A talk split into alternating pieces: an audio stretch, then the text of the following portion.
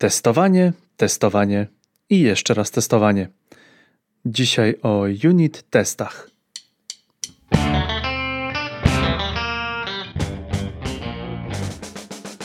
Ta rozmowa to jest kolejny dowód na to, że moje why zadziałało. Zapraszam do podcastu Mądre Głowy, zadaję im pytania, rozmowy nagrywam i puszczam dalej, aby każdy mógł się zainspirować do pracy, nauki, biznesu. Moim gościem jest Szymon Przedwojski. Bloger, vloger, a przede wszystkim programista. Nasza rozmowa będzie się kręciła wokół testowania. Omówimy różne sposoby testowania oprogramowania, poruszymy temat relacji, jakie wynikają między programistą i testerem i przejdziemy do meritum, czyli dlaczego testy jednostkowe są tak inne od wszystkich pozostałych i dlaczego warto ich robić jak najwięcej. Szymon omówi korzyści z testów jednostkowych wpływające na przykład na poprawność kodu, na testowalność kodu i na to, w jaki sposób tworzy się przemyślana architektura dzięki unit testom. Żeby nie było tak cud, miód i orzeszki, spytam się też, jakie bywają problemy z testami jednostkowymi. Co możesz zrobić z tym podcastem? Możesz go przesłuchać, możesz o nim opowiedzieć komuś ze znajomych, kto na przykład interesuje się unit testami albo uczy się programowania. Możesz też zasubskrybować ten podcast gdzieś na Twojej komórce. Jeśli prowadzisz auto, to tego teraz nie rób, ale gdzieś na Twojej komórce jest przycisk subscribe, subskrybuj, obserwuj. Jeśli go naciśniesz, nie stracisz żadnego nowego odcinka. Zapraszam do wysłuchania rozmowy z Szymonem Przedwojskim. umniedziała.com. Tematem rozmowy są testy jednostkowe. Dzień dobry, to jest Developer Wannabe Podcast Live. Znajdziecie nas na Developer Wannabe Podcast, na fejsie, na, na YouTubie, a Szymona, mojego dzisiejszego gościa, znajdziecie na umniedziała.com albo na dziwne umnie działa. Jesteś też TikTokerem, nie? Tak, no ostatnio troszeczkę mniej tych filmów, ale faktycznie parę nagrałem i muszę do tego wrócić. No, fajna to jest rzecz. Cały czas mam taki problem, czy ja nie jestem za stary na TikToka, a potem wychodzą takie śmieszne rzeczy na TikToku i nagle patrzysz, a godzina czasu z tych śmiesznych filmików z buziami, fikołkami. No wiesz, generalnie zauważyłem to, że im dłużej oglądasz, tym ten algorytm e, po prostu lepiej ci dopasowuje i mniej mhm. tego, tych śmieci jest, nie? I takie faktycznie wartościowe są te filmy. No właśnie dobrze mnie dopasował, ponieważ e, wyświetlasz mi się na TikToku bardzo często. Szymon Przedwojski u mnie działa. O czym będziemy rozmawiać? O, będziemy rozmawiać o testowaniu, o różnych sposobach testowania. Ty jesteś programistą jakiego języka? Słuchaj, ja, teraz modne jest mówienie, że jest się, wiesz, problem solver. I wow. to nieważne, jakiego języka używasz i po prostu rozwiązujesz problemy, a to, że robisz to kodując, to jest już inna historia.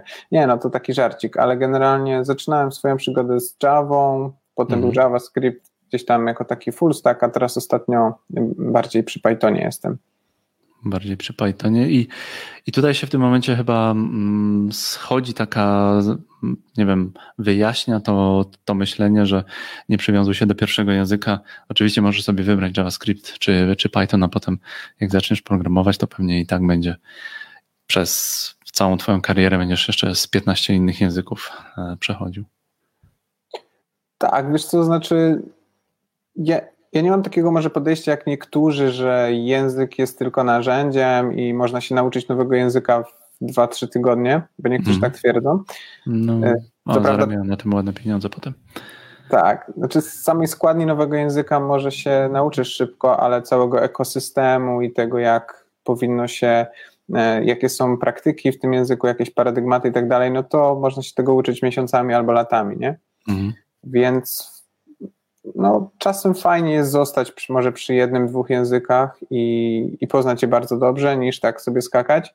U mnie to trochę były kwestie po prostu potrzeb projektowych, nie? Mm -hmm. No i co? Wyprodukujesz takie, takie jakieś aplikacje fajne? Bo my nie będziemy dzisiaj rozmawiać o, y, o nauce języków programowania, o tym chyba już wszystko powiedziano. My będziemy rozmawiać o różnych sposobach testowania, ale up owo, od początku. po co się testuje. Są różne sposoby testowania. Powiedz mi, o co chodzi? Dlaczego masz testować oprogramowanie tak, jakbyś miał najprościej łopatologicznie człowiekowi wyjaśnić, takiemu lamerowi, który by chciał coś? No dobra, jak tworzysz jakąś aplikację, niezależnie jaka ona jest, czy to jest aplikacja mobilna, aplikacja webowa, frontend, backend, mhm. E, generalnie jak tworzysz chyba cokolwiek e, w życiu, co udostępniasz jakimś klientom, no to chciałbyś najpierw sprawdzić, że to działa, tak? Że to działa mhm. tak, jak sobie e, tego życzy klient, czy ty jako producent. No i jak możemy testować? Najprostszy sposób to jest po prostu testowanie manualne.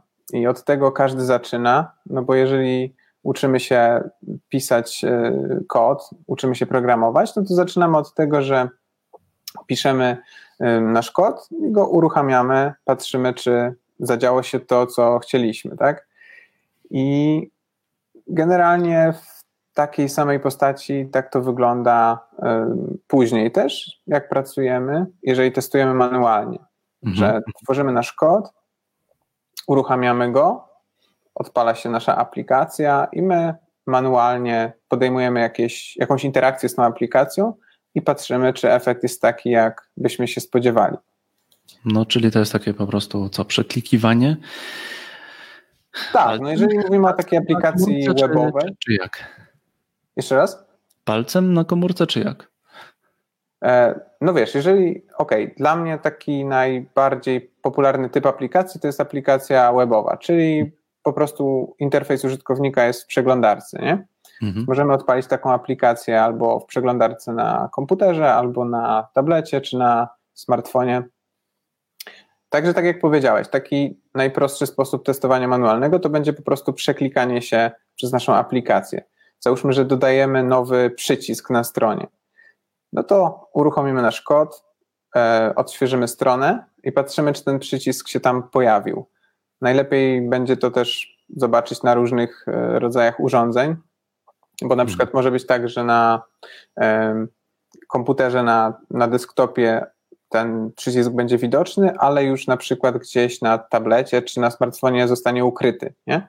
bo tak się wyskaluje nasz widok, że po prostu zniknie. No ale to jest bardzo żmudne, tak? Robić to wszystko manualnie i przede wszystkim wszystko fajnie, dopóki testujemy jedną rzecz, którą akurat tworzymy. Mhm. Natomiast problemy się pojawiają, kiedy dodajemy później inne rzeczy i chcemy sprawdzić, czy te inne rzeczy nie zepsuły tych naszych poprzednich. No. I wtedy z, każdy, z każdą nową funkcją naszej aplikacji ilość rzeczy, przez które musimy się przeklikać, rośnie. Mhm, mhm. No, testowanie takie manualne chyba zaraz przejdziemy oczywiście do półautomatycznego czy do automatycznego. No z punktu widzenia, jakbym był szefem software house'u, to oczywiście bardzo fajnie to jest, bo um, no nie jest to. Um, mam jak znajdę dobrego manualnego testera, no to mi bardzo ładnie wszystko przeklika. Naciśnie tysiąc razy dany przycisk i zobaczy, czy się, czy się zepsuje, więc mogę mieć, mogę być e, świadomy, mogę mieć taką dosyć dużą pewność, że, że mi się to nie zepsuje, jak nawet właśnie ktoś jakieś takie warunki bardzo ekstremalne zrobi. Tylko, tylko to jest też młodne i długo czas, i dużo czasu e, bardzo wymaga. No to tak, to znaczy testowanie manualne jest bardzo elastyczne, bo jeżeli człowiekowi wytłumaczysz, co ma się dziać, nawet jeśli proces jest bardzo skomplikowany, no to on to sprawdzi, a czasem e, automatyczne sprawdzenie skomplikowanych e, schematów jest trudne. Natomiast e, jest, jesteśmy oczywiście ludźmi, więc jeżeli robimy coś ręcznie, no to zawsze możemy popełnić błąd. Ale tak jak powiedziałeś, jeżeli mamy testera manualnego, znaczy z testerami manualnymi jest tak, taki plus dla właścicieli software house'ów na przykład, że y, to nie muszą być osoby techniczne, mhm. bo tak naprawdę każdy, kto umie obsługiwać komputer i komu wytłumaczysz, jak ma działać aplikacja, jest w stanie zasymulować użytkownika tej aplikacji i sprawdzić, czy działa tak, jak powinna. Więc na pewno po prostu możesz zatrudnić ludzi za dużo mniejsze stawki, bo nie muszą być to osoby wykształcone technicznie. To mogą być studenci albo e, czy osoby po prostu niewykształcone w ogóle w IT. Mhm. No ale przychodzi czas, że zaczyna nam się rozrastać aplikacja. Co my wtedy robimy? Zatrudniamy więcej testerów. No tak, tak bywa. A ja dążę, Ale... ja dążę do bardziej automatyzacji.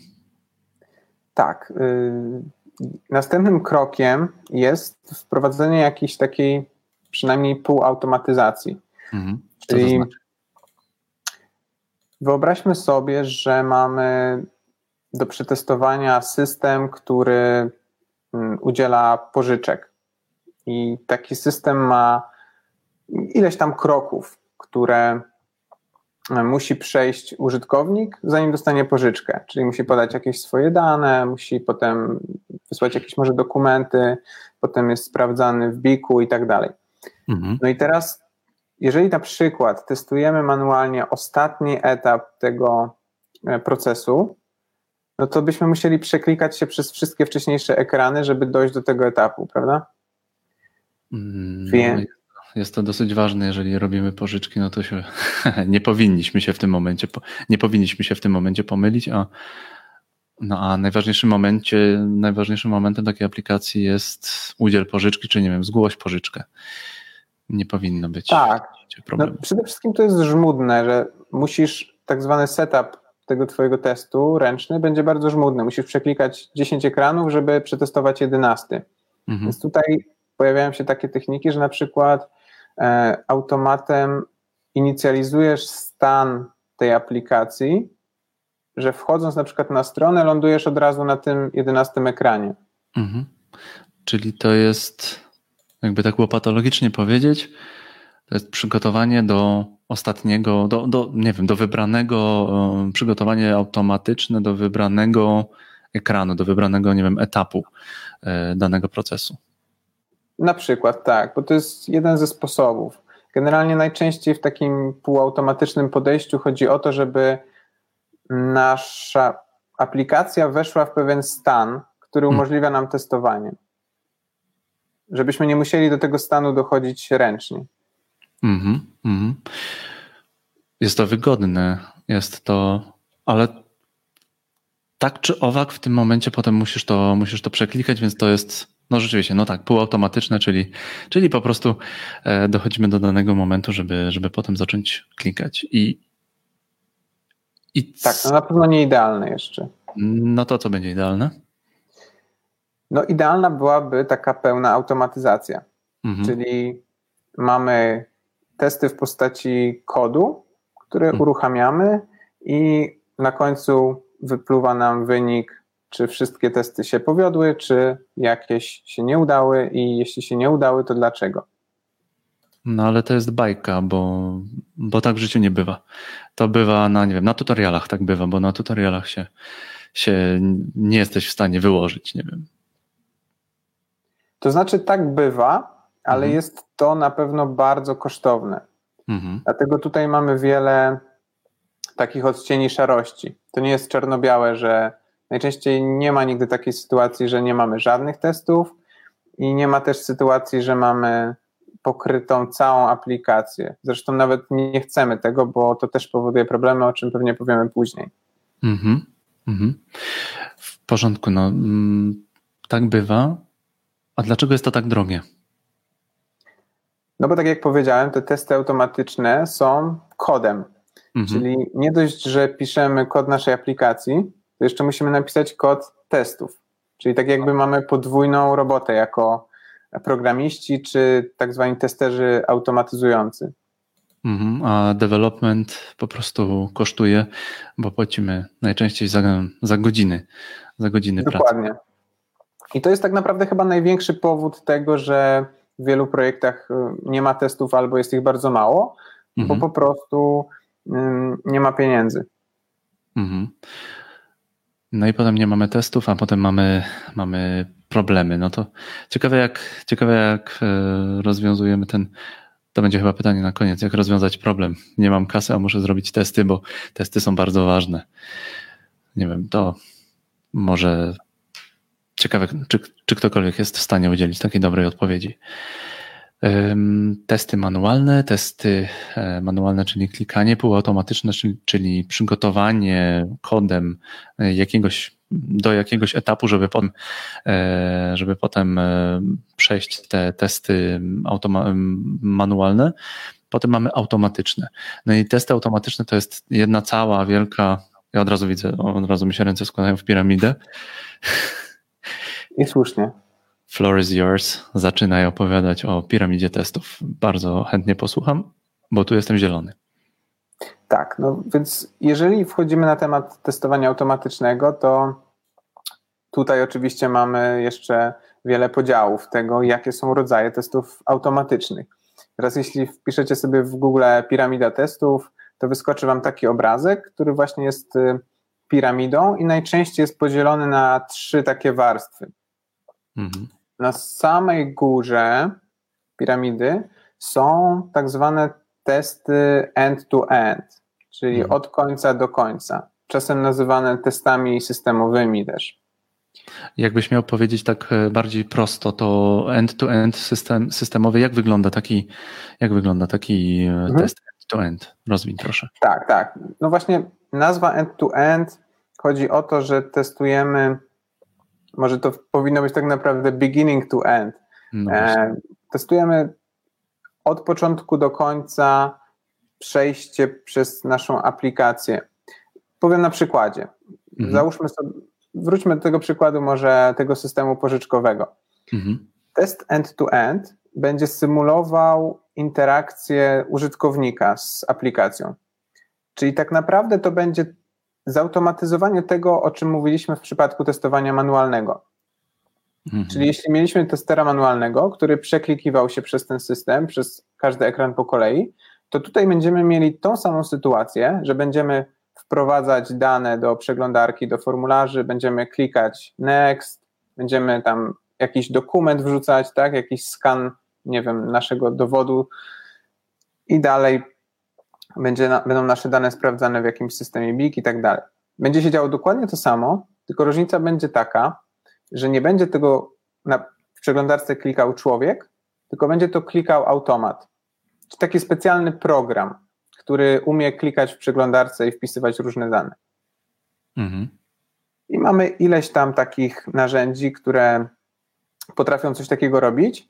Takim najpopularniejszym jest y, Selenium, które ma, jest, są biblioteki do praktycznie wszystkich języków programowania i Selenium ma sterowniki chyba do wszystkich tych największych przeglądarek. Czyli to jest takie narzędzie, które nam umożliwia napisanie testu w praktycznie dowolnym języku programowania i zasymulowanie działania użytkownika w praktycznie dowolnej przeglądarce. Dobra, to to jest end-to-end. -end. Tak. Czyli beginning to the end. Tak naprawdę od początku, od początku do końca i y, napisany kod, który przeklikano w odpowiedni y, przycisk y, kliknie, żeby, żeby, żeby przejść dalej. Dokładnie. Mamy, mamy tam specjalne takie właśnie wyrażenia, które nam pozwalają właśnie szukać elementów na stronie, sprawdzić, czy przycisk istnieje, jeśli istnieje, kliknąć w niego i tak dalej. A jeśli cokolwiek, czegokolwiek będzie brakować, to wtedy dostaniemy informację, że test się nie udał. Mhm. Dostaniemy informację, wtedy będzie można ją wrzucić do odpowiedniego programu do, do, notowania, do notowania błędów. Słyszałem, że najlepszy jest Notepad albo Notepad. Microsoft Word. No, albo, no, albo Google Doc, tak jak my się tak. porozumiewaliśmy, robiąc e, scenariusz tego podcastu. End-to-end to jest e, no, kosztowny czy niekosztowny e, proces? To jest bardzo kosztowny proces pod mhm. wieloma względami. Dlatego właśnie on jest na szczycie piramidy. Tak. Bo piramida nie od parady jest piramidą, bo właśnie o to chodzi, że piramida się zwęża ku górze mhm. i te testy, który, które są na samej górze, ich powinno być najmniej w systemie. Mhm. I mhm. generalnie takie testy end-to-end powinny testować tylko takie najbardziej powszechne ścieżki y, przejścia przez naszą aplikację. I one są kosztowne. Y, dlaczego?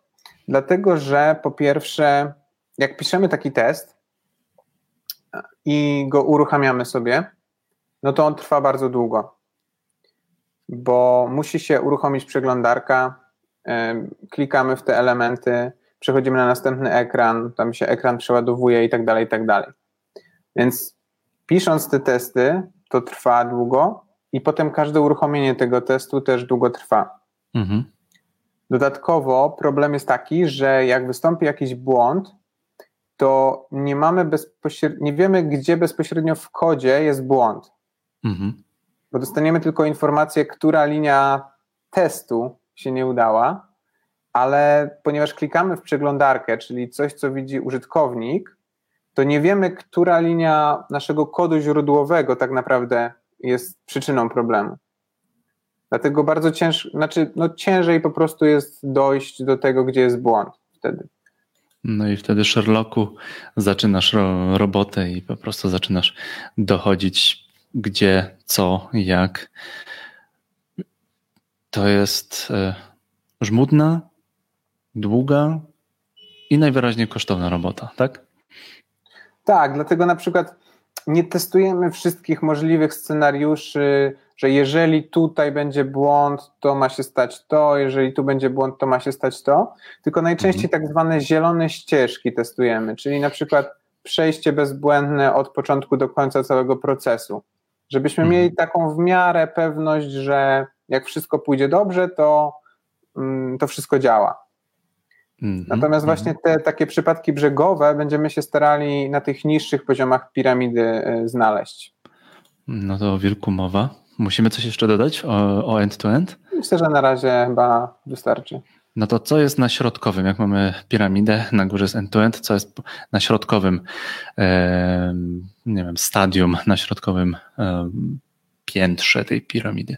Tak, no po środku mamy testy integracyjne. Mhm. One się nazywają integracyjne, dlatego że one testują integrację różnych elementów naszego kodu źródłowego, naszego mhm. systemu. Co to I znaczy integracja już, sama? Tak. Y, tu właśnie schodzimy już na poziom naszego kodu tak naprawdę, bo właśnie testy end-to-end były od niego trochę niezależne, bo tak naprawdę aplikacja mogła gdzieś tam e, być uruchomiona w chmurze, gdzieś na czyimś innym komputerze i tylko wystarczy, żebyśmy my w przeglądarce naszej mogli wejść pod ten adres URL mhm. i wtedy możemy testować end-to-end. A testy integracyjne najczęściej już musimy projekt uruchamiać u siebie na swojej maszynie. I teraz, co to znaczy integracja? Jak sobie wyobrazimy taki, mm, taki projekt webowy, typowa aplikacja webowa, jak ona najczęściej wygląda? Mamy ten interfejs użytkownika, o którym już mówiliśmy, czyli mamy to, co się wyświetla w przeglądarce. No ale oprócz tego mamy część serwerową. E, mhm. I jeszcze do tego mamy najczęściej jakąś bazę danych, która przechowuje wszystkie dane. Czyli mamy takie połączenia, że nasza część serwerowa jest gdzieś po środku i ona się łączy z bazą danych, żeby wyciągnąć dane i wysyła informacje do przeglądarki. To jak mhm. ma wyglądać.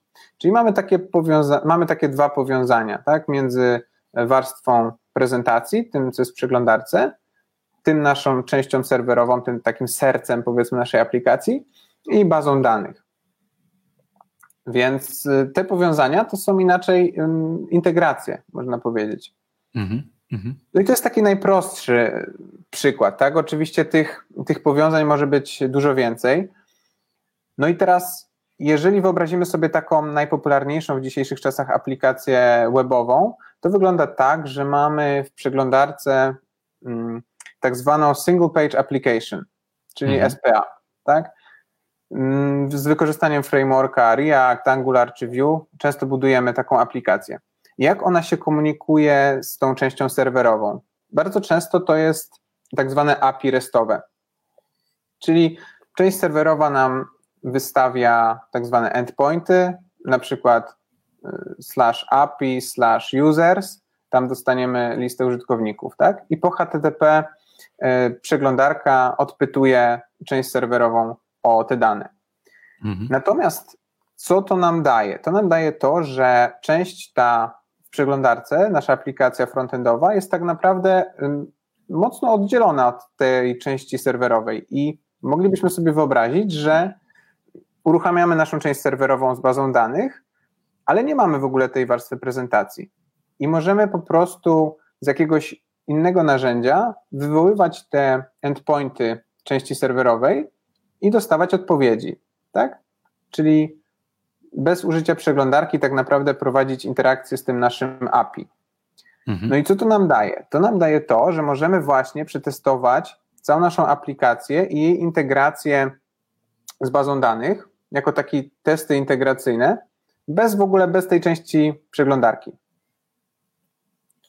Gdzie tu jest w tym momencie sens, jeżeli robimy, jeżeli robimy przeglądarkę? Sorry za lamerskie pytanie, ale no, robimy przeglądarkę, robimy aplikację na przeglądarce, a tutaj mówisz, że możemy skorzystać bez, e, bez tego. Gdzie tu jest sens? Co nam, co nam to daje? Okej, okay, no bo zobacz, mam, masz całą aplikację y, frontendową, całą mhm. tą single page application y, i ona ma jakiś swój UI, ma jakieś tam przyciski, tak. jakieś input fieldy i tak dalej. Mhm. No i może być tak, że uruchamiasz swój test end-to-end, który przestaje działać, mhm. ale on nie działa dlatego, bo na przykład brakuje, brakuje przycisku. I to jest typowy problem aplikacji frontendowej a równocześnie może być tak, że z częścią serwerową wszystko jest ok. Natomiast jeśli masz tylko testy end-to-end, to nie wiesz tak naprawdę y, tak od razu, y, co jest przyczyną. Mhm, Teraz mhm. eliminując różne komponenty i testując mniejszą liczbę tych komponentów, od razu wiesz, że na przykład OK, serwer i baza danych działają dobrze. Rozumiem. Czyli możesz przetestować właśnie całą, całą Twoją część serwerową i nie, nie interesuje Cię, czy tam dobrze się wyświetlają rzeczy na, na ekranie. Wiesz, że Twój serwer działa dobrze. No i w tym momencie mam więcej pewności, że to, co założyłem, że będzie działać, to będzie u mnie działać. End-to-end mi powie w tym momencie, że coś tam nie działa, ale niekoniecznie będę wiedział, będę musiał dochodzić gdzie, a w tym momencie integracyjnie będę mógł konkretny, nie wiem, fragment konkretną, nie wiem, funkcję, jakiś tam blok e, przetestować. Dobrze myślę? To może bardziej nawet jak zejdziemy na poziom testów jednostkowych, ale mhm. faktycznie, tak jak mówisz, można mieć taki feedback właśnie już w takich testach integracyjnych, która linia na przykład nasze, naszego kodu powoduje problem. To jeszcze trochę mhm. zależy z jakich narzędzi korzystamy, czy uruchamiamy takie testy integracyjne właśnie bezpośrednio pod naszym projektem, czy jednak używamy takich zewnętrznych narzędzi, które po prostu odpytują API naszego serwera. To może, ale... to może prościej. Czy się dobrze, czy się wszystko kręci tak, jak się ma kręcić to w tym momencie? Tak, czy może, się wszystko tak. kręci, ale bez tej warstwy prezentacji. Mm -hmm, Wiesz, to można mm -hmm. by porównać na przykład, jak masz samochód, e, to może być tak, że masz obitą karoserię, nie? Tak. I po prostu jakby z zewnątrz wygląda, że ten samochód jest wrakiem, ale tam w środku silnik, wszystko hamulce, wszystko działa pięknie, tak? Mm -hmm. I teraz właśnie patrzenie z punktu widzenia tej karoserii to jest taki test end-to-end, -end, nie? Tak. E... Czy wszystko pięknie, ładnie. Tak, tak, i dla ciebie ten samochód nie działa, bo na przykład nie ma drzwi, nie ma kierownicy, więc ty nie możesz tak naprawdę nim pojechać. On dla ciebie nie działa, ale mhm. ty nie wiesz tego, że to jest tylko problem z zewnątrz, a tam wszystkie mechani mechanicznie wszystko działa ok, nie? I teraz taką analogią właśnie tego testu integracyjnego jest to, jakbyś spojrzał tylko na sam silnik, na połączenie silnika z układem kierowniczym i z układem jezdnym i nagle byś się dowiedział, że tam wszystko działa pięknie. Hmm, czy wszystkie sznurki, połączenia i, i, kabelki działają, tak? Tak, sznurki, kabelki, ale już właśnie wiesz, bez, bez tej karoserii, nie? Mhm. Czyli jakby wiesz, że problem jest tylko po stronie karoserii, a mechanicznie wszystko jest ok. To jest jakby trochę analogia tego. Natomiast mm, to jest taki jeden poziom testów integracyjnych, bo szczególnie przy większych aplikacjach możemy jeszcze trochę inaczej rozumieć tą integracyjność. To dawaj, właśnie dawaj. ja powiedziałem o integracji serwera z bazą danych, to tak naprawdę tutaj teraz testowaliśmy, mhm. a można to trochę rozumieć na poziomie różnych modułów naszej aplikacji. Ale w to może już nie będę się tak zagłębiał. Natomiast jeżeli mamy aplikację typu, nie wiem, milion linii kodu, no to ona najczęściej jest podzielona na jakieś moduły. Jest, nie wiem, moduł płatności, moduł subskrypcji, moduł klientów i tak dalej, nie? Mhm. I testy integracyjne można też rozumieć jako testy komunikacji, integracji między różnymi modułami.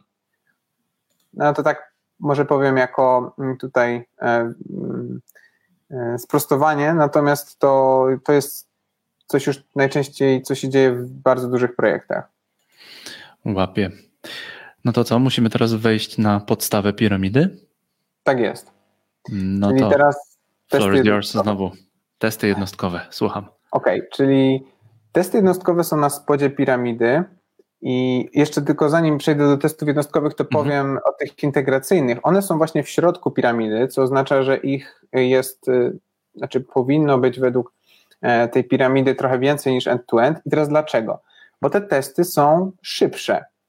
Mhm. I y, dlaczego? No bo jeżeli uruchamiamy naszą część serwerową z bazą danych, E, i tylko to testujemy, to nie musimy na przykład czekać, aż uruchomi się przeglądarka, aż wyrenderuje się strona, tylko po prostu testujemy, wysyłamy jakieś dane i jakie dane odbieramy i czy one są takie, jakbyśmy się spodziewali. Mhm. Dlatego testy integracyjne są szybsze, ich może być więcej.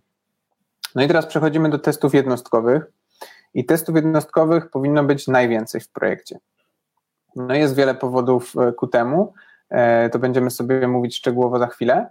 Ale czym w ogóle są testy jednostkowe?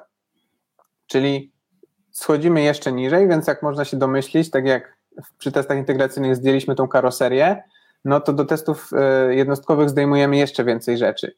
I teraz taką jednostką, którą testujemy, znowu posługując się może tą analogią samochodu, mogłoby być na przykład jedna, e, jeden cylinder w samochodzie. Mhm tak? I test, testujemy, czy taki cylinder działa dobrze, czy tam tłok e, dobrze chodzi. Czy się nie zaciera? Tak, czy się nie zaciera na przykład, ale całkowicie wyjęty z kontekstu, czyli ten cylinder ani nie patrzymy na to, w jakim on jest silniku, ani nie patrzymy na to, jaką karoserią jest otoczony, ani nie patrzymy, nie wiem, po jakiej drodze jedziemy, tak? Mhm. Tylko patrzymy, czy działa ten cylinder w izolacji. I to jest właśnie taka idea testów jednostkowych, że bierzemy jakąś, jakiś mały fragment naszego kodu, może to, to czy mały to jest czasem sporne, ale na pewno mniejszy niż e, na tych wyższych poziomach piramidy, izolujemy go od całego otoczenia i testujemy. Mhm. I te testy, ponieważ właśnie wyizolowaliśmy wszystko, to one są mega szybkie. Jeżeli są zrobione tak naprawdę według takich dobrych praktyk testów jednostkowych, to one są bardzo szybkie. I dlatego możemy ich mieć bardzo dużo i możemy je bardzo często uruchamiać. Mhm. I tutaj, żeby powiedzieć o jakichś liczbach, to są takie podejścia, gdzie taki jeden test jednostkowy, niektórzy puryści mówią, że powinien trwać poniżej jednej milisekundy. I wtedy na przykład uruchomienie tysiąca takich testów zajmie nam poniżej sekundy. Hmm. To brzmi trochę, trochę nawet abstrakcyjnie. Trochę abstrakcyjnie, to muszę. Ale tak to. Mniej niż mgnienie oka, no. Tak, i, i wiesz, są narzędzia, które pozwalają ci, które odpalają ci taki cały zestaw testów jednostkowych, na przykład każdym razem, jak zapisujesz plik. Mhm. One obserwują cały Twój projekt. Jak tylko będzie zapis pliku, to po prostu odpala się pętelka i jak będzie jakiś błąd, to dostaniesz go od razu automatycznie. nie? No i to nam w ogóle już pozwala robić różne fajne, fajne praktyki, takie jak test driven development, ale to też może powiemy sobie za chwilę. No to mamy programistę i testera. No i w firmie, w której ja pracuję, programiści z testerami współpracują bardzo dobrze. Przybijają sobie piony, przybijają sobie e, piątki codziennie, wypijają kawę, obgadują tematy i to nie tylko na daily, ale też właśnie przy kawie czy tam przy herbacie. Słuchaj, będziemy robić tak, a tak i prawdopodobnie nie zadziała to, a to, bo z tego co rozumiem, dobry, dobry e, tester, to jak współpracuje z programistą, no to już wie, jak to będzie działać i gdzie ten tester może nawet, nawet zrobić e, błąd. Ale mimo wszystko jest duża różnica i czasami to wyskakują takie, takie jakieś nieporozumienia, niesnaski. Jak to jest z, z testowaniem? Programista versus tester. Gdzie i kto co robi? Okej, okay, no to, że macie bardzo dobre relacje, to jak najbardziej prawidłowo i tak powinno być. Wszyscy Zawsze. w zespole powinni dobrze ze sobą żyć. Generalnie pytanie jest takie, gdzie kończy się odpowiedzialność programisty za testowanie, a gdzie zaczyna się odpowiedzialność testera.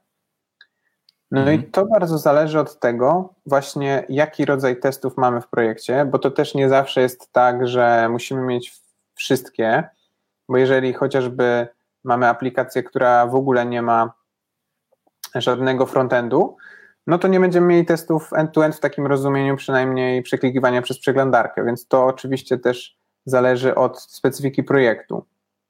Mhm. I teraz tak, jeżeli mamy na przykład testerów manualnych tylko w projekcie, no to wiadomo, że oni będą robić tylko te testy manualne. Mhm. I teraz, jeżeli chcemy mieć automatyczne, no to musimy zadbać o to my jako programiści. Ale czasem będzie tak, że mamy testerów autom, przepraszam, automatyzujących, bo to właśnie mhm. tak się powinno mówić, a nie automatycznych, E, w ogóle ostatnio miałem, miałem wywiad z, ze świetnym testerem e, automatyzującym właśnie Adamem u mnie na kanale, jakby ktoś chciał zajrzeć. E, natomiast. Link będzie w opisie. Dzięki. I właśnie z Adamem też o tym rozmawialiśmy, gdzie właśnie kończy się odpowiedzialność programisty, a gdzie, test, a gdzie zaczyna testera. I z mojego takiego doświadczenia, empirycznie w projektach, w których byłem, programiści najczęściej piszą testy jednostkowe, bo one są bardzo związane z tym kodem, tak? Bardzo są blisko kodu i tester najczęściej nie ma aż takiej znajomości tych fragmentów naszego kodu, żeby móc dobrze napisać testy jednostkowe. Natomiast tester ma często takie dużo lepsze pojęcie o całym projekcie, widzi go ta, z takiego lotu ptaka czego mhm. często deweloperom brakuje. Szczególnie w dużych projektach, gdzie mamy ileś zespołów, może być tak, że programista bardzo wąsko się zagłębia w jedną działkę mm, aplikacji. I wtedy tester świetnie może napisać właśnie testy end-to-end lub testy integracyjne, które łączą ze sobą różne funkcjonalności projektu. Więc jeżeli mamy testera automatyzującego, to on najczęściej będzie właśnie pisał testy takie integracyjne end-to-end, a programiści będą pisali testy jednostkowe. Mhm. Coś musimy dodać w tym temacie? Myślę, że myślę, że nie. Właśnie zapraszam do, do wywiadu z Adamem, tam, tam jest więcej e, informacji w, e, w tym temacie. No to musimy przejść do następnego e, pytania. O, wiesz co, mamy, mamy ciekawe pytanie od Marcina. Y, czemu no, tester miałby to pisać, a nie programista? Mhm. No i to jest tak, ciekawe pytanie, dlatego że zasadniczo to jest kod, więc programista mógłby też to pisać.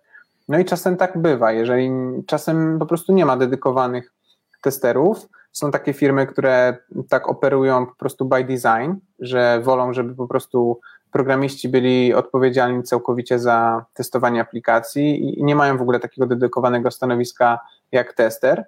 Więc faktycznie może tak być. Natomiast y, z mojego doświadczenia ci testerzy y, mm, są często i wtedy po prostu wydaje mi się, że programista po prostu może skupić się na tworzeniu funkcjonalności, a tester będzie po prostu zapewniał, zapewniał tą jakość na tym najwyższym poziomie. Mhm. mhm. To to się bierze? Teraz przejdźmy do tego, co, co e, chyba Szymon lubi najbardziej. Co jest takiego, oprócz tego, że testów może być bardzo dużo, dlaczego testy jednostkowe są takie, takie inne? Dlaczego, dlaczego akurat jak ty mówisz, e, czy tam występujesz, to jesteś takim orędownikiem testów jednostkowych. Lubisz te testy, dlaczego cię to jara?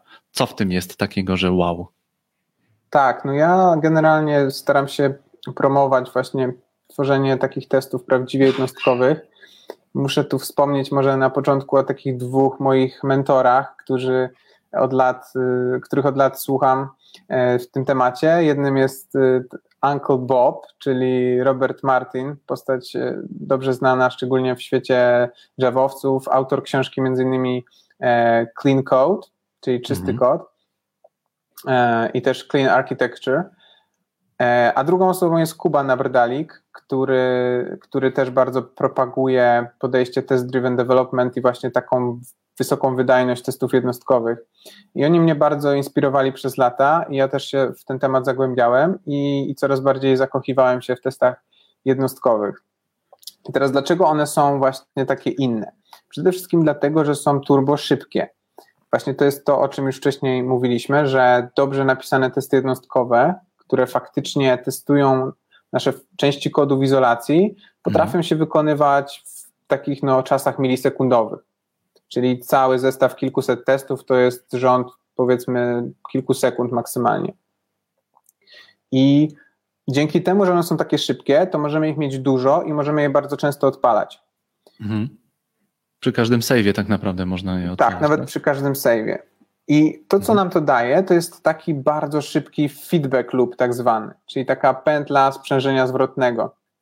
Czyli cokolwiek nie zmienimy w kodzie, to od razu wiemy, czy testy działają, czy nie i y, do czego to nam się przydaje.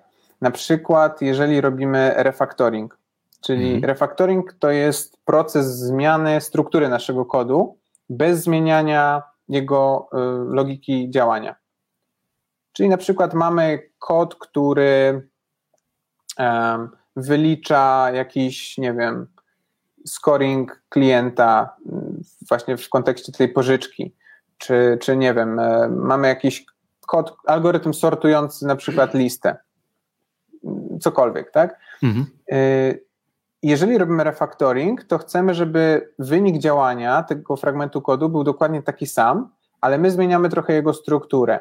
Czyli na przykład możemy, mamy bardzo długi algorytm w jednej funkcji, która ma, nie wiem, 200 linii i on jest po prostu nieczytelny i stosujemy różne praktyki refaktoryzacji, takie jak wydzielanie mniejszych metod, które mają ładne nazwy, sugerujące to, co robi dany fragment kodu, zmiana nazw e, zmiennych, żeby też lepiej oddawały to, czym dana zmienna jest, wydzielanie może jakichś klas osobnych i tak dalej, i tak dalej.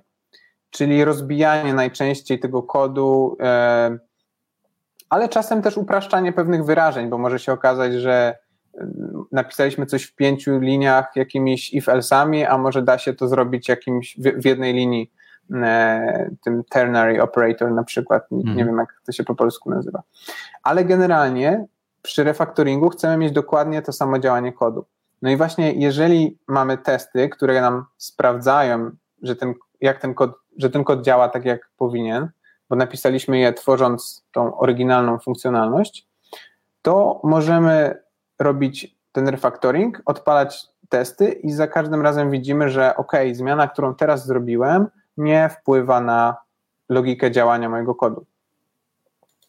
Czyli można tak jak to widzę, to można step by step po prostu siedzieć cały dzień i kombinować i patrzeć, czy, czy jak zrobię kolejny krok, to, to będzie działać, a potem nie wiem, jeszcze, jeszcze zmodyfikuję mój kolejny krok 50 razy i cały czas unit test mi, test jednostkowy mi, mi pokaże, czy, czy mogę iść w tę stronę, a jak mogę, no to czy będzie, będzie się kręcić, czy będzie działać, tak?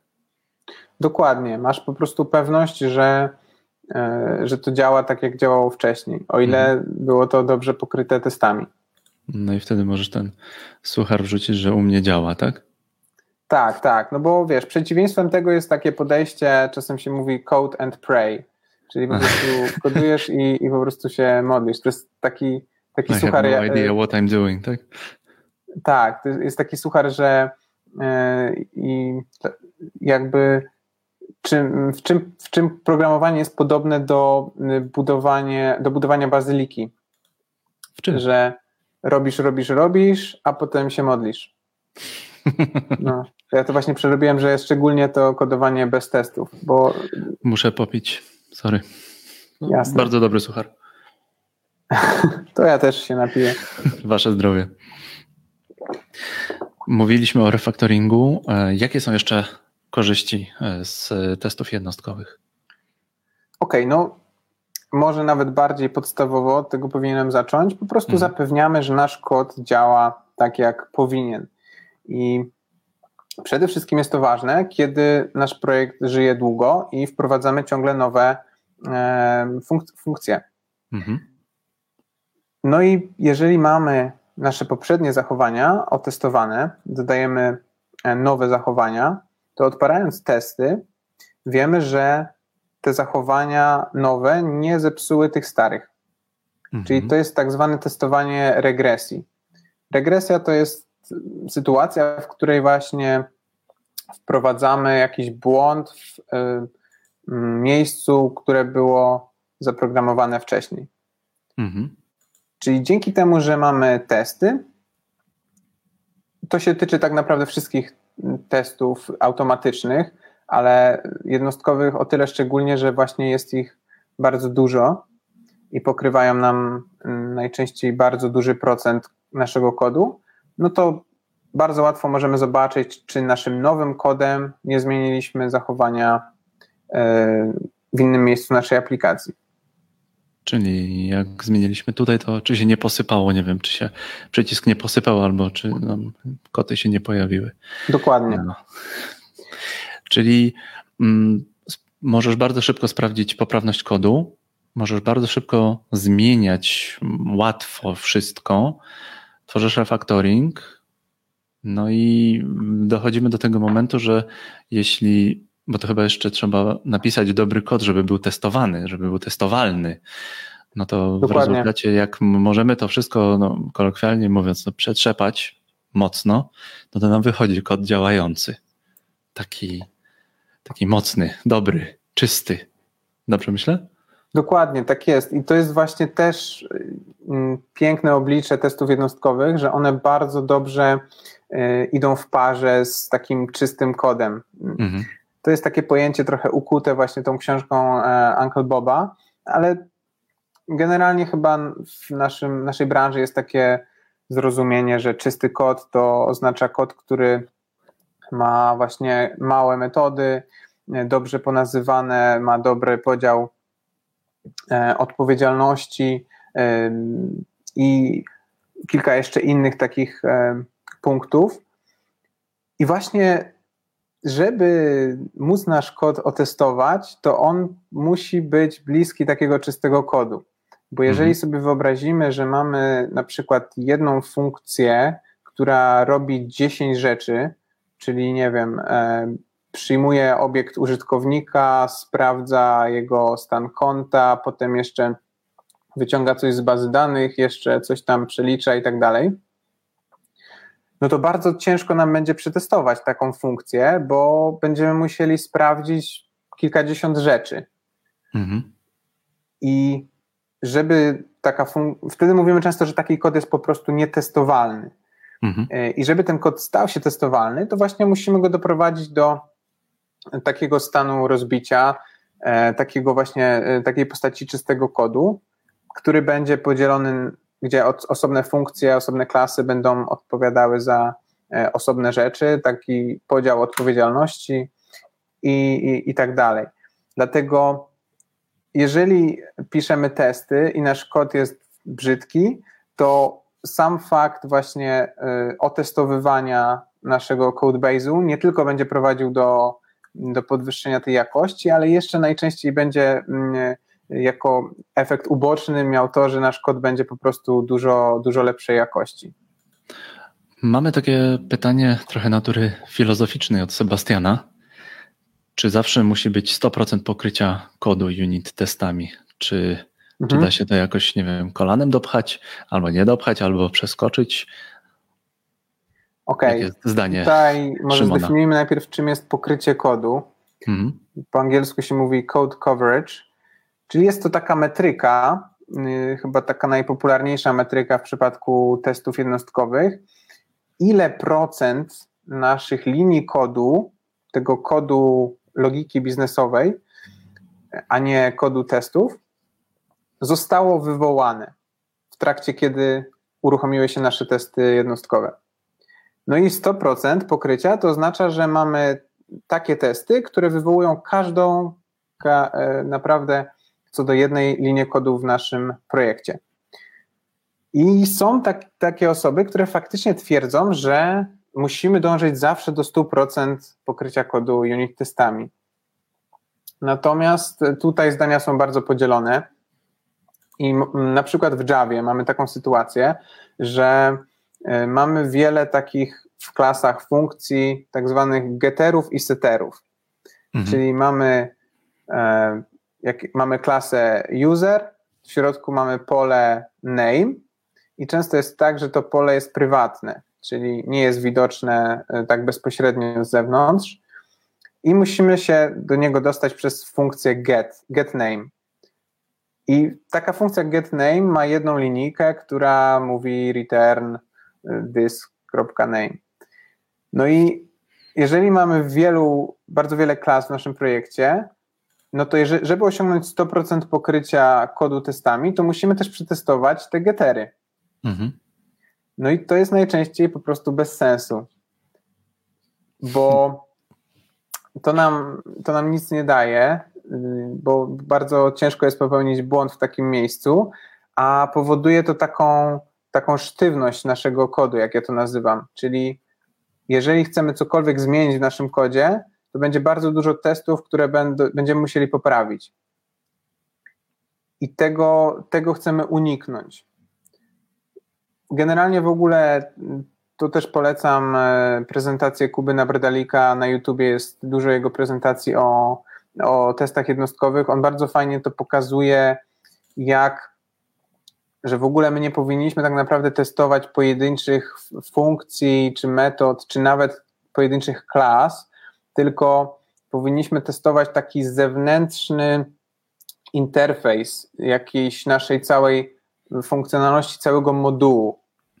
Mhm. Czyli jeżeli mhm. miałbym tu podać przykład, to załóżmy, że mamy taki moduł, który w naszej aplikacji, który właśnie będzie liczył ten scoring klienta, czyli e, jak bardzo wiarygodnym dla banku jest klient, który chce wziąć pożyczkę. No i jeżeli jakiś inny moduł w naszym projekcie będzie chciał wywołać tą e, funkcjonalność, no to będzie miał jakąś jedną metodę get, get scoring na przykład i będzie podawał do środka e, jako argument powiedzmy ID użytkownika. Natomiast pod spodem tam cała ta funkcjonalność może być podzielona na ileś klas wewnętrznych, na w każdej klasie ileś tam metod. I my w ogóle nie powinniśmy testować tych pojedynczych metod wewnętrznych, bo to jest, to jest jakby część taka niedostępna publicznie, niewidoczna z zewnątrz, tylko powinniśmy testować tylko ten zewnętrzny interfejs e, naszego mm, modułu i takie tworzyć przypadki testowe, żeby one nam pokryły y, praktycznie wszystkie możliwe scenariusze. No ale właśnie nie chcemy testować tych wnętrzności, więc nie zawsze przejdziemy przez, y, przez to 100% naszego kodu. Mhm, mhm. Jakie mogą być jeszcze e, korzyści e, z testów jednostkowych? My cały czas dążymy do tego, że testy jednostkowe nam pozwalają mnóstwo rzeczy przetestować, przetestować mm, on the go, czyli robić cały czas coś e, i calusieńki czas testować. Testować no, do, tych, do tych minimalnych, minimalnych e, no, linijek kodu tak naprawdę. Czyli mm, jak mam przetestowane, to mi to ładnie działa. Teraz tak podsumuję i ciekawe, czy, czy, czy jeszcze będziesz mógł coś dodać. Mm, sprawdzam poprawność kodu. Łatwo mi się zmienia, mam testowalny kod, czyli, ale teraz użyję dużych słów, e, architektura się ładnie, e, architektura aplikacji ładnie się, ładnie się układa. A jak jest z dokumentacją? No właśnie, bo e, czasem mamy tak, że dokumentujemy to, jak powinna działać nasza aplikacja. Mhm. ja pamiętam w mojej pierwszej pracy musiałem pisać takie dokumenty w Confluencie. To jest takie narzędzie, może niektórzy z Was znają od firmy Atlassian, tej samej, która dostarcza Jira. Mm, takie popularne narzędzie do zarządzania zadaniami w projekcie. No i w tym Confluencie generalnie można by to zastąpić jakimś Google Docsem. Pisałem takie po prostu słowno-muzyczny opis tego, co ja zrobiłem, jak ta funkcjonalność dana działa i może czasem wklejałem jakieś kawałki kodu. Natomiast to było całkowicie oderwane od, y, od mojego projektu. Jeżeli ktoś w przyszłości by coś tam zmienił w kodzie, nie wiedziałby, że akurat musi znaleźć na tym Confluencie taki, a nie inny dokument i tam jeszcze zaktualizować opis, że teraz się zmieniło zachowanie, no to mamy już taką schizofrenię. Jedno miejsce mówi, że działa tak, a kod mówi, że działa inaczej. Trochę lepiej jest, jeśli dokumentujemy to jako komentarze w naszym kodzie, bo mhm. przynajmniej mhm. mamy ten opis słowno-muzyczny bardzo blisko kodu. Ale to też, nie, to też nie jest idealna sytuacja, nie jest to dobre, dlatego że często zmieniając potem też kod, no o tych komentarzach gdzieś tam zapominamy. I potem ktoś wchodzi do tego później i mówi tak, patrzę na kod, on robi X, a kod mówi, że znaczy, przepraszam, a komentarz mówi, że kod powinien robić X i jeszcze Y. No i pytanie, czy ja czegoś nie rozumiem w tym kodzie, czy ten komentarz kłamie? Więc... Co, ze, co ze mną jest nie tak? Wtedy takie, takie tak. myśli zaczynają chodzić po głowie. Czyli no i właśnie jeśli... testy tak? pozwalają nam uniknąć tej sytuacji. Bo mhm. jeżeli napiszemy testy, które pokazują różne scenariusze działania naszego kodu, czyli jakie dane są wejściowe, co uruchamiamy i jakie mamy dane wyjściowe, to mhm. jeżeli ładnie to ponazywamy, te metody testowe ładnie ponazywamy, te zmienne i tak dalej, to czytając te kod testów, tak naprawdę mamy taką dokumentację już tego, jak działa e, dany fragment kodu. Natomiast mhm. mega zaletą tego jest, że jest to uruchamialna dokumentacja. Czyli ona nigdy nie będzie kłamać, tak jak ten komentarze, czy tak jak ten opis w Confluencie, bo jeżeli kod produkcyjny przestanie być zgodny z tym kodem testów, no to po prostu test przestanie działać. Czyli, ale tak um, możecie złapać za słowo, bo mówisz, hmm. że zostawiamy komentarze, to wszystko działa. Ja jestem w stanie, jeżeli ja przejmę Twój kod, to jestem w stanie sprawdzić, jak to, jak to się kręciło Czyli mi łatwiej się domyślić, jeżeli ty nagle rzucisz wszystko i powiesz w Bieszczady, to mi się łatwiej będzie domyślić, w jaki sposób, w jaki sposób to działało. Czyli no, łatwość Mając wejścia. komentarze mówisz? Mhm, mhm. No tak, ale zrobisz to samo, jeżeli mhm. będziesz miał testy. Tak. A taki komentarz może po prostu gdzieś mieć jakąś jedną, jedno zdanie, które pozostało sprzed dwóch lat i ty Aha. się będziesz potem zastanawiał, czy kurczę, czy on faktycznie tak działa, czy ja tego nie rozumiem, co robi ten kod, czy po prostu to tutaj zostało niepotrzebnie, nie? Czyli ja sobie puszczę całą aplikację i będę, będę, będę widział, jak to działa. I ona jest jeszcze przetestowana w tym momencie. Dokładnie. Aha. Wiesz, jest ten Uncle Bob kiedyś taką kontrowersyjną e, rzecz powiedział, że jakbyś dał mu wybór, że on ma pracować teraz, zacząć pracę nad projektem, który mhm został porzucony właśnie, tak? I dasz mu wybór. Albo przejmie projekt, którym jest cały kod, yy, ale nie ma żadnego testu, mhm. albo drugą sytuację, że przejmie projekt, w którym został skasowany cały kod, ale są testy, które dobrze testowały aplikację, to mhm. on będzie wolał tą drugą sytuację. Bo że się nie zajedzie. On po prostu, wiesz, mając testy, od zera napisze tą aplikację i będzie miał pewność, że ta aplikacja działa tak, jak powinna, jeżeli wszystkie mhm. testy będą przechodzić. A mając y, sam kod bez żadnych testów, przejmując taki projekt, to on tak naprawdę, wiesz, nie wie, w którym miejscu to działa poprawnie, jak będzie coś musiał zmienić, to będzie miał mega problem. No to jest taka już mocno kontrowersyjna teza i pewnie wiele osób się z nią nie zgodzi, ale moim zdaniem taka dosyć obrazowa. Mamy jeszcze fajny komentarz od Marcina.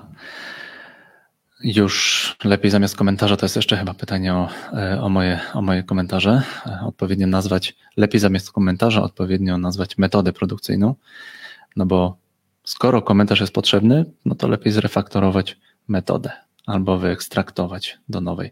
Jasne, oczywiście. I tu właśnie 100% zgody. I tu widzimy, że to wszystko nam się zazębia, tak? Czyli mhm. znowu, znowu mając właśnie testy, możemy zrobić ten refactoring, o którym pisze Marcin i możemy dobrze nazwać, e, nazwać metodę. Natomiast no, testy są jeszcze jakby kolejnym poziomem, e, kolejnym poziomem tego, e, że, że nasz kod może być jeszcze bardziej zrozumiały, a w niektórych sytuacjach jest trochę ciężko tak wszystko dobrze pokazać poprzez nazewnictwo, bo możemy mieć jakiś taki skomplikowany algorytm i no tam ciężko będzie nawet czasem coś wyekstrahować, czy tak wszystko ponazywać odpowiednio, ale mając testy dużo łatwiej, dużo lepiej pokażemy, jak, e, jak to wszystko działa. Ale jak najbardziej pełna zgoda, mhm. że, że, że refactoring i odpowiednie nazywanie też jest e, mega ważne. Poprawność kodu, łatwość zmiany, refactoring. Testowalny kod to jest czysty kod. Tworzy się nam, to jest też dobra, dobra praktyka, bo w tym momencie tworzy się nam um, odpowiednia architektura, czyli no, dobrze zaczyna, nie wiem, nawet nasze myślenie zaczyna wchodzić na odpowiednie tory, odpowiednia dokumentacja i jeśli ktoś przejmie twój kod, no to łatwo, łatwo wejść do tego kodu. Ale my tutaj, wiesz, cud, miód, orzeszki, a teraz daj mi mięso, co będzie nie tak, w którym momencie to się wszystko, wiadomo, łup, co jest nie tak. E, ty jesteś orędownikiem testów, ale no nie ma róży bez kolców. Gdzie? Gdzie jest, gdzie jest ta rzecz, która coś. Jakie są problemy? W którym momencie to Jeszcze może tylko zanim w to wejdę, to mhm. rozwinę tą ostatnią myśl, którą powiedziałeś, bo faktycznie ja powiedziałem o tym, że właśnie ten, ten przykład Uncle Boba, że przejmując y, y, projekt, w którym nie ma żadnej linii kodu, a są same testy, jest, jest mu łatwiej go odtworzyć. Natomiast właśnie jeżeli mamy no, normalny projekt, bo to jest sytuacja jakaś tam skrajna, o której on mówił, mamy mhm. normalny projekt, który ma kod produkcyjny i testy i przychodzi nowy programista do naszego zespołu. On nie wie jakby nic i zaczyna dopiero wchodzić w system. No to po prostu jeżeli ma testy jednostkowe, to jemu jest dużo łatwiej cokolwiek w tym, znaczy zrozumieć cały projekt i cokolwiek w tym projekcie zrobić. Dlatego, że mhm. po pierwsze, jeżeli on dopisze nową funkcjonalność, coś zepsuje, to testy mu od razu o tym powiedzą. Po mhm. drugie, czytając testy i czytając kod produkcyjny, jeszcze łatwiej mu będzie zrozumieć, jak to wszystko działa. No i, wie, że po prostu jeżeli. Okej, okay, to o tym już mówiłem. Jeżeli cokolwiek doda, to, to niczego nie zepsuje. I są firmy, które szczycą się tym, że na przykład ludzie przychodzący do nich już pierwszego dnia piszą kod, który ląduje na produkcji, bo mają codziennie wdrożenia i po prostu ktoś dopisze kod, testy przejdą, to znaczy, że wszystko działa ok, nie? No, można. Nie, no to wtedy świadczy o, świadczy o dobrej, do, dobrej, dobrej pracy i dobrej chyba organizacji pracy w danej, w danej firmie. No ale wiesz, to jest jakby niewyobrażalne, jeżeli nie masz, nie masz testów, nie? Mhm, Automatycznie. Mm -hmm. Ale Dobra, ja będę ale... drążył. Jasne. Co będzie nie tak? Dobra, Co się tak, pierdzieli? Co będzie... Chcę się wymigać od odpowiedzi na to pytanie. Nie wymigasz się, bo jesteś u mnie w podcaście, a w moim podcaście zadaję pytania, które ja chcę, po czym ja je nagrywam i puszczam dalej, więc nie możesz się w tym momencie wymigać. No dobra. Podstawowym problemem z testami jest to, że trzeba je tworzyć. Mm. To jest kod, który musimy napisać, no. Czyli wracamy trochę do tego, o czym mówiliśmy na samym początku naszej rozmowy, że to zajmuje czas. A czas jest pieniądze. A czas jest pieniądzem i ktoś za to musi zapłacić. Mhm. Jest bardzo często takie podejście, jak ktoś zamawia jakiś projekt, to no ja za testy nie będę płacił. Macie pisać tak, żeby było dobrze. No i to jest ciekawe, tak? Jest no to, tak. Znaczy, Źle piszesz w takim razie. Tak, bo tu jeszcze może y, odejdę troszeczkę na bok, żeby też kontekst zarysować, bo mówiliśmy o tym testowaniu cudmiot i orzeszki, ale żeby być y, szczerym, to jest tak, że są sytuacje, w których faktycznie nie opłaca się testować. Mhm. Możemy sobie wyobrazić, że jesteśmy na przykład na hackatonie. Nie wiem, czy byłeś kiedyś na hackatonie, Jędrzej? No, mm, kilka razy, kilka razy mi się zdarzyło. No dobra, i pewnie tam raczej nikt testów jednostkowych nie pisał. No nie, raczej chłopaki tutaj sobie zastrzyk, zastrzyk z kawy i zaczynają. No właśnie, ładujesz tam Red, Red, Bull Pizza i, i wypluwasz z siebie kod, nie? Tak. No bo pisanie testów jednostkowych w takiej sytuacji byłoby bez sensu. Dlatego, mhm. że ty masz tam 24 godziny, żeby napisać aplikację, no i właśnie ten, ta inwestycja czasu w pisanie testów ci się nigdy nie zwróci bo ty ten mhm. kod wyrzucisz następnego dnia do kosza, nie będziesz tam dodawał codziennie nowych feature'ów, więc nie będziesz miał zysku z tego, że będziesz testował tą regresję, a stracisz bardzo cenny czas, w którym musisz coś zaimplementować. No Wiesz, ale my mówimy tutaj, my mówimy tutaj o hackatonie. Hackaton to jest, nie wiem, to można by porównać, nie wiem, z treningiem, jakimś sparingiem. No, niekoniecznie potem się ten, ten mój kod przyda.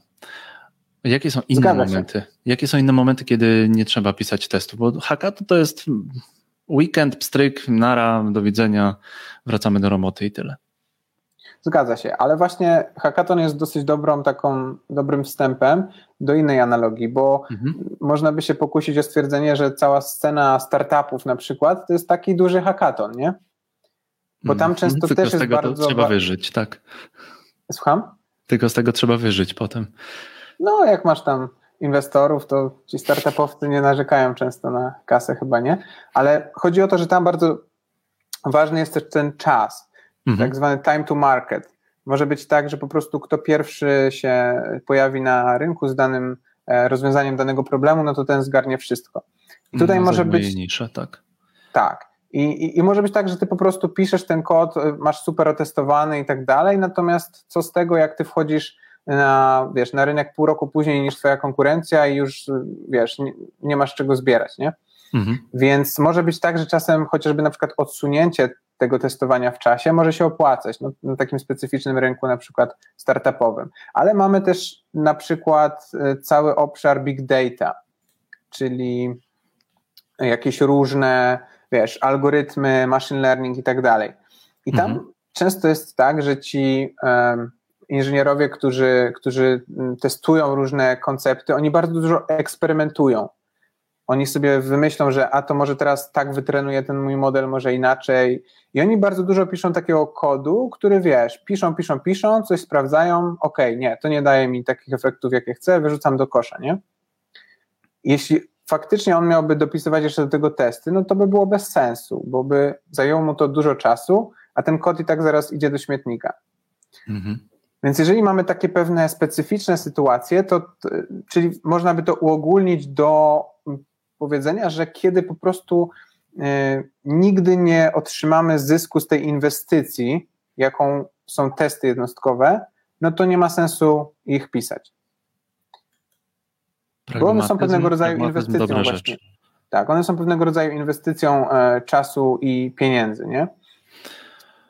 Natomiast właśnie mhm. w większości, przy większości jednak projektów mamy taką sytuację, że obliczamy to na długofalowe działanie, no i chcemy mieć poprawność działania i tak dalej, i wtedy ta inwestycja, inwestycja czasu się nam najczęściej zwróci.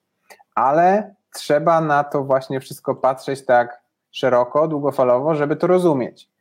No i problem jest taki, że klienci często patrzą mocno krótkofalowo, i tak myślą, że kiedyś, że jakoś to będzie tam w przyszłości i nie zastanawiają się nad wszystkimi kosztami, które um, generuje nietworzenie testów. Nie? I oni tylko mhm. patrzą na to, że ok, ma, mam feature, który chcę mieć w mojej aplikacji, no i bez testów mi to napiszą w 6 dni, a z testami w 10 dni na przykład.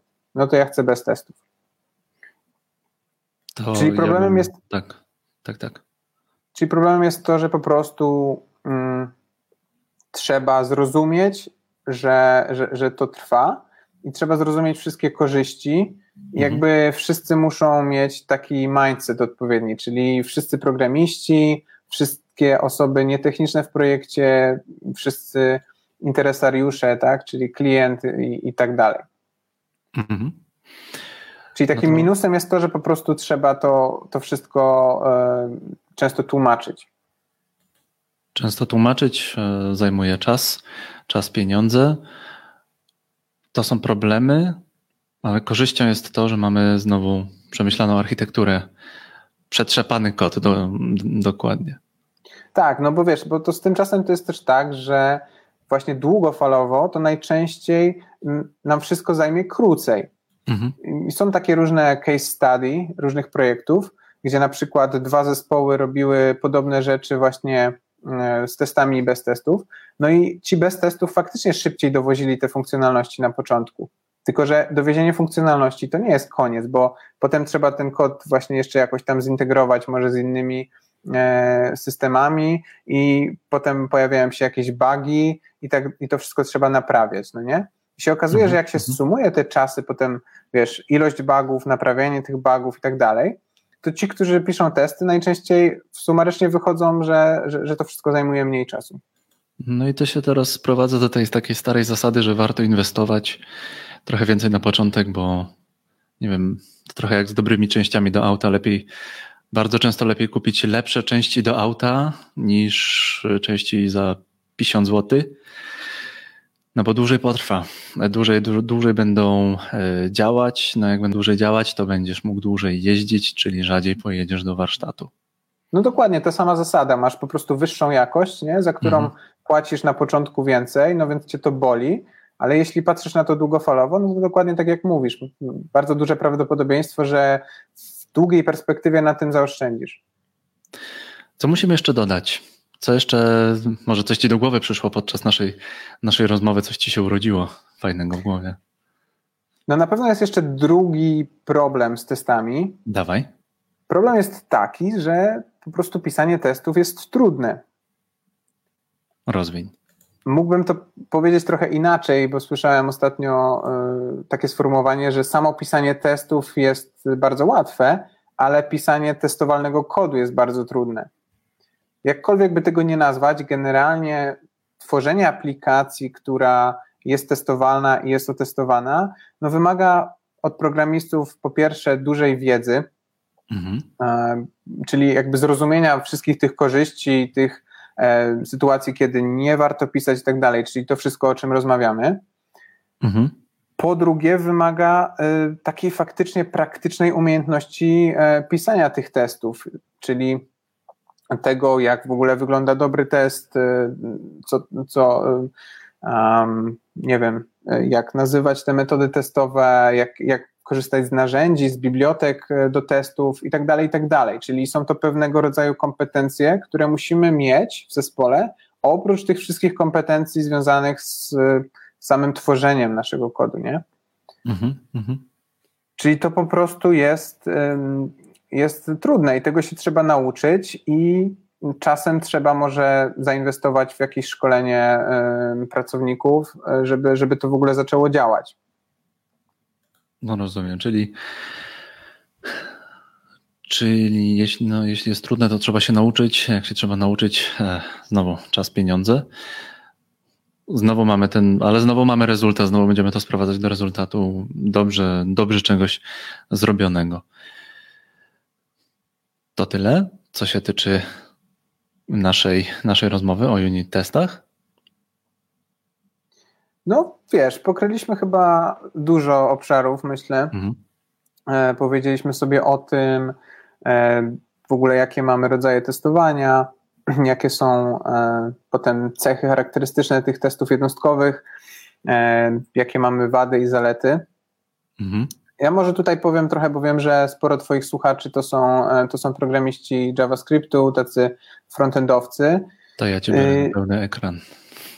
Tak, i właśnie na frontendzie to, to nie jest takie super proste, jeśli chodzi o testowanie jednostkowe. Ja dużo więcej tworzyłem kodu na backendzie i tam mamy często taką sytuację, że faktycznie mamy dużo logiki e, takiej czysto biznesowej, którą możemy dosyć łatwo wyodrębnić, y, że podamy takie argumenty wejściowe, spodziewamy się takiego wyniku i, i to bardzo łatwo możemy otestować.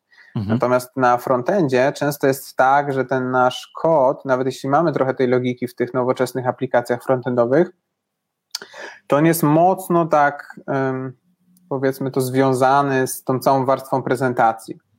Czyli ciężko jest wydzielić logikę taką biznesową od logiki wyświetlania wszystkich elementów. No i w związku z tym ciężko jest wyodrębnić takie jednostki do otestowania jednostkowego. Mhm. No więc może być tak, że mamy taki typ aplikacji frontendowej, gdzie faktycznie tej logiki e, niezwiązanej z logiką wyświetlania elementów jest mało, no i wtedy po prostu tych testów jednostkowych w ogóle nie będziemy w stanie zrobić. Natomiast jeśli mamy e, trochę takiej logiki biznesowej, to warto to wydzielać do osobnych jakichś e, funkcji, do osobnych klas, żebyśmy mogli to właśnie niezależnie od E, tej warstwy prezentacji testować. A jeżeli mamy taką sytuację, że faktycznie nie możemy tych testów jednostkowych zastosować, to warto chociaż tą górę tej piramidy stosować, czyli wykorzystywać testy end-to-end albo jakiegoś rodzaju takie, no na przykład test integracyjny, mówiąc o takiej aplikacji frontendowej, e, bo ja mówiłem wcześniej o sytuacji, że odcinamy frontend, nie? w kontekście mm -hmm. testów integracyjnych, że mamy sam serwer i bazę. A możemy na to spojrzeć trochę inaczej, że odcinamy cały serwer i mamy tylko na przykład naszą aplikację frontendową i testujemy integrację naszego kodu frontendowego z naszym całym warstwą prezentacji, nie?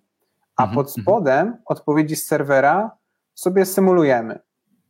Czyli mówimy, że no tutaj pod takim wywołanie takiej funkcji, która normalnie gdzieś tam uderza do serwera, zwróci nam zawsze taki wynik. To czasem się nazywa mokowaniem odpowiedzi, nie? Mhm. I wtedy możemy odpalić cały nasz frontend w izolacji od backendu. I też mamy pewnego rodzaju właśnie wtedy test integracyjny i wiemy, że jeżeli tutaj nam wszystko będzie działać ok, a odpalając aplikację z backendem coś będzie nie działać, no to jest duża szansa, że problem jest po stronie backendu. Dużo ciekawych rzeczy można się od Szymona e, domyślić. Jest tam moja znajomość, mam wrażenie, że taka na razie teoretyczna testów jednostkowych no, zwiększyła się. No to cieszę się. No właśnie dlatego też o tym staram się mówić, bo po prostu mam wrażenie, że ten temat y, jest często pomijany.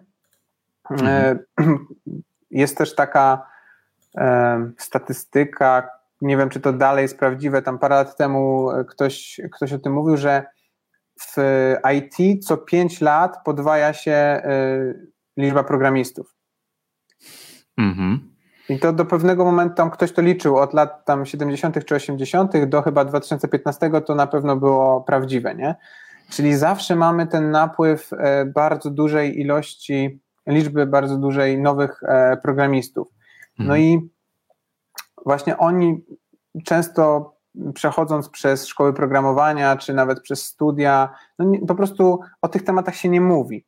Mnie nikt na studiach nie powiedział ani pół zdania o testowaniu automatycznym.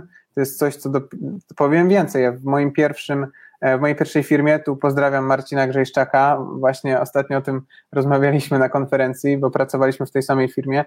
E, w mojej pierwszej firmie w ogóle nie było testów jednostkowych. W ogromnym projekcie, już nie będę wymieniał nazw, ale ogromny projekt, nie było testów jednostkowych, więc mm, niestety, ale o tym się często nie wie albo zapomina. E, więc staram się to, to, trochę propagować, bo myślę, że to jest naprawdę filar e, dobrej jakości i często zamiast może uczyć się kolejnego frameworka, czy kolejnej jakiejś tam biblioteki do animacji, czy, czy, czy coś takiego, to warto po prostu nauczyć się takich fundamentów e, testowania. Dobra, dobra rada wujka Szymona. Twórzcie, twórzcie dobry kod. Powiedz nam na koniec, gdzie cię w internetach znajdziemy. E, okej, okay, także do mnie możecie trafić na e, poprzez stronę umniedziała.com bez polskich mhm. znaków. E, tam macie linki do wszystkich innych miejsc, w których jestem w sieci, czyli vlog Dziwne u mnie działa na YouTubie, moje konto na Instagramie, na którym też jestem dosyć aktywny, często wrzucam storiesy, linka do TikToka chyba tam nie ma, ale jak korzystacie z TikToka, to po prostu wyszukajcie u mnie działa. Bardzo polecam TikToka. Szymona robi bardzo często takie, takie rzeczy, takie, że pokazuje coś palcem i tam się taka chmurka pojawia. Tak, tam jest tak na pewno na pewno najbardziej na luzie, e, jak to cały TikTok e, podejście do IT, więc jeśli lubicie takie mm, jakieś różne żarciki związane z naszą branżą, to, to zapraszam. Czekam, aż e... będziesz robił lip-duby i, i, i, te takie buźki, jak teraz jest bardzo popularny na TikToku. No właśnie z TikTokiem jest taki problem, że trzeba nadążać za trendami, bo tam po prostu co tydzień jest nowy trend i ostatnio właśnie byłem zabiegany, nie odpalałem przez tydzień TikToka w ogóle i wchodzę i o, co się dzieje, nie? A tutaj trzeba robić 5, 4, 3, 2, 1. Strasznie, tak, dokładnie. Strasznie fajna rzecz. No czekam, aż zaczniesz ty zrobić bu robić buzię, te takie, jak, jak te, jak te smajliki. No niestety to, to właśnie, co prawda nagranie filma, filmu na TikTok jest dużo szybsze niż nagranie vloga, ale też zajmuje trochę czasu, na pewno więcej niż nagranie storiesa na Instagram, więc no trzeba sobie wykroić te przynajmniej kilkanaście minut, no i mieć jeszcze pomysł. Ale tak, ostatnio się zapuściłem z TikTokiem, ale obiecuję, że, że wrócę. Trzymamy cię za Inspiracją jest tutaj na pewno dla mnie y, Piotr Programista, też pozdrawiam, bardzo aktywny TikToker z Lublina, już ma ponad 5 tysięcy obserwujących, a chyba dopiero pod koniec lutego zaczął tam publikować i też, też robi super TikToki, także polecam. Zaraz, zaraz go zafollowuję. Szymon Przedwojski, vloger, bloger, programista, TikToker, facet, który ewangelizuje unit testami. Kocha unit testy, jarają go unit testy. Szymon Przedwojski u mnie działa.com. To był podcast Developer Wannabe Podcast Live. Bardzo Wam dziękujemy, że byliście z nami. Ja się nazywam Jędrzej Paulus. Do usłyszenia, do zobaczenia. Dzięki Jędrzej za zaproszenie, dzięki wszystkim, którzy nas słuchali. Idźcie i testujcie. Idźcie i testujcie. Cześć. Cześć.